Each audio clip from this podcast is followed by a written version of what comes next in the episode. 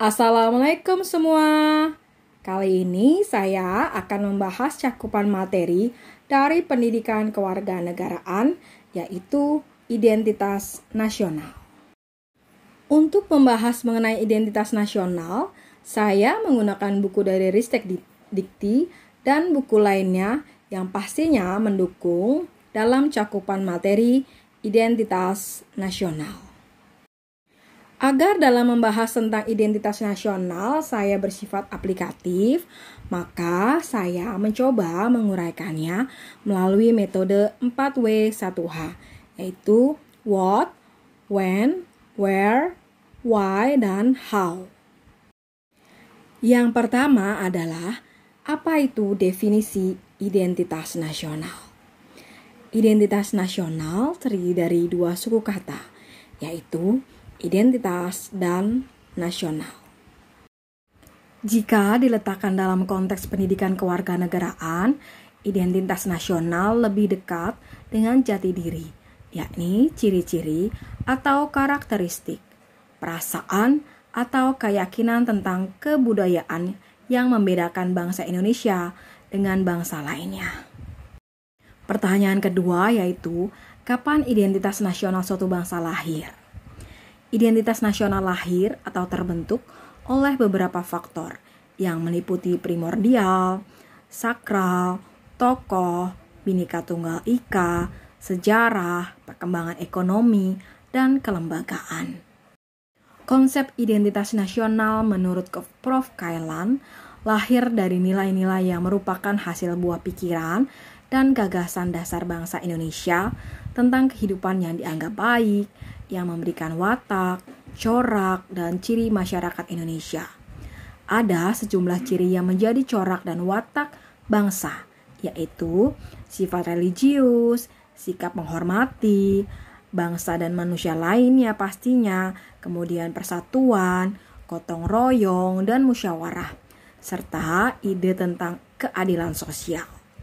Nilai-nilai dasar itu dirumuskan sebagai nilai-nilai Pancasila, sehingga Pancasila dikatakan sebagai jati diri bangsa sekaligus identitas nasional. Begitulah paparan dari Prof. Kailan dalam pandangannya mengenai identitas nasional.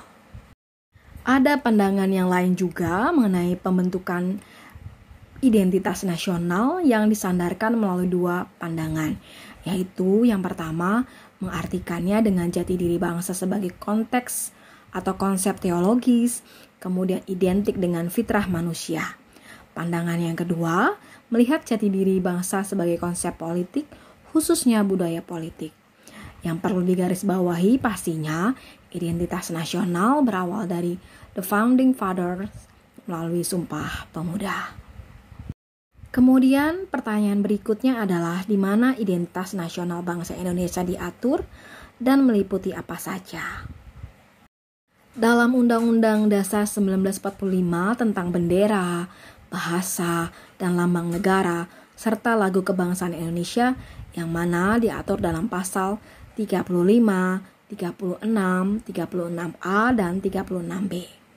Untuk mengetahui lebih detail ketentuan bendera, bahasa, dan lambang negara, serta lagu kebangsaan diatur dalam Undang-Undang Republik Indonesia Nomor 24 Tahun 2009. Ini yang dapat dijadikan bahan diskusi kita kan. Kita tilik deh satu persatu kapan sih pertama kali diperkenalkannya. Oke, yang pertama bendera merah putih dikibarkan pertama kali pada tanggal 17 Agustus 1945 namun telah ditunjukkan pada peristiwa Sumpah Pemuda 1928. Bendera dalam Undang-Undang 24 tahun 2009 diatur dalam pasal 4 sampai dengan pasal 24. Selanjutnya yaitu bahasa Indonesia diatur dalam pasal 25 sampai dengan 45 Undang-Undang 24 tahun 2009. Bahasa Indonesia sebagai bahasa negara merupakan hasil kesepakatan para pendiri NKRI. Bahasa Indonesia berasal dari rumpun bahasa Melayu yang dipergunakan sebagai bahasa pergaulan atau istilah lainnya lingua franca dan diikrarkan pada Kongres Pemuda pada tanggal 28 Oktober 1928. Selanjutnya lambang negara Garuda Pancasila diatur dalam pasal 46 sampai dengan 57 Undang-Undang Nomor 24 Tahun 2009. Garuda mengandung makna sila-sila Pancasila yang menurut sejarah merupakan rancangan dari Sultan Hamid II.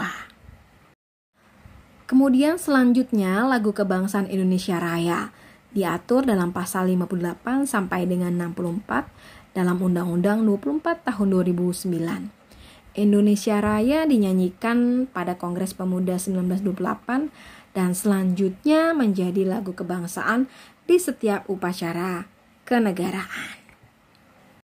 Selanjutnya mengenai semboyan negara yaitu Bhinneka Tunggal Ika yang artinya berbeda-beda tetapi tetap satu jua dirumuskan oleh Founding Fathers mengacu pada kondisi masyarakat Indonesia yang pluralis.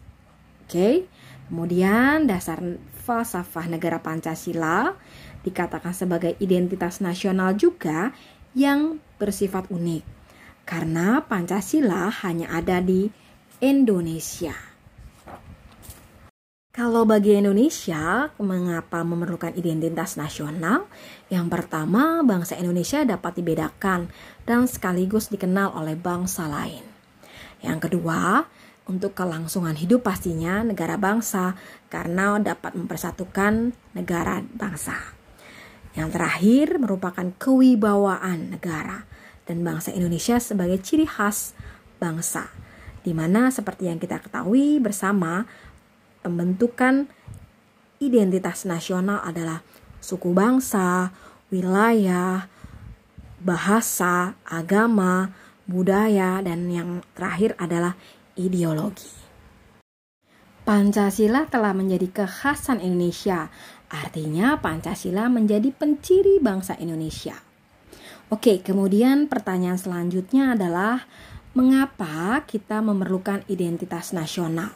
Coba kita tilik negara Malaysia dan pastinya negara-negara lain deh punya bendera nasional sendiri, lambang negaranya sendiri, semboyannya sendiri, lagu-lagu kebangsaan sendiri yang pastinya punya ciri khas yang dapat dibedakan dengan negara-negara lainnya.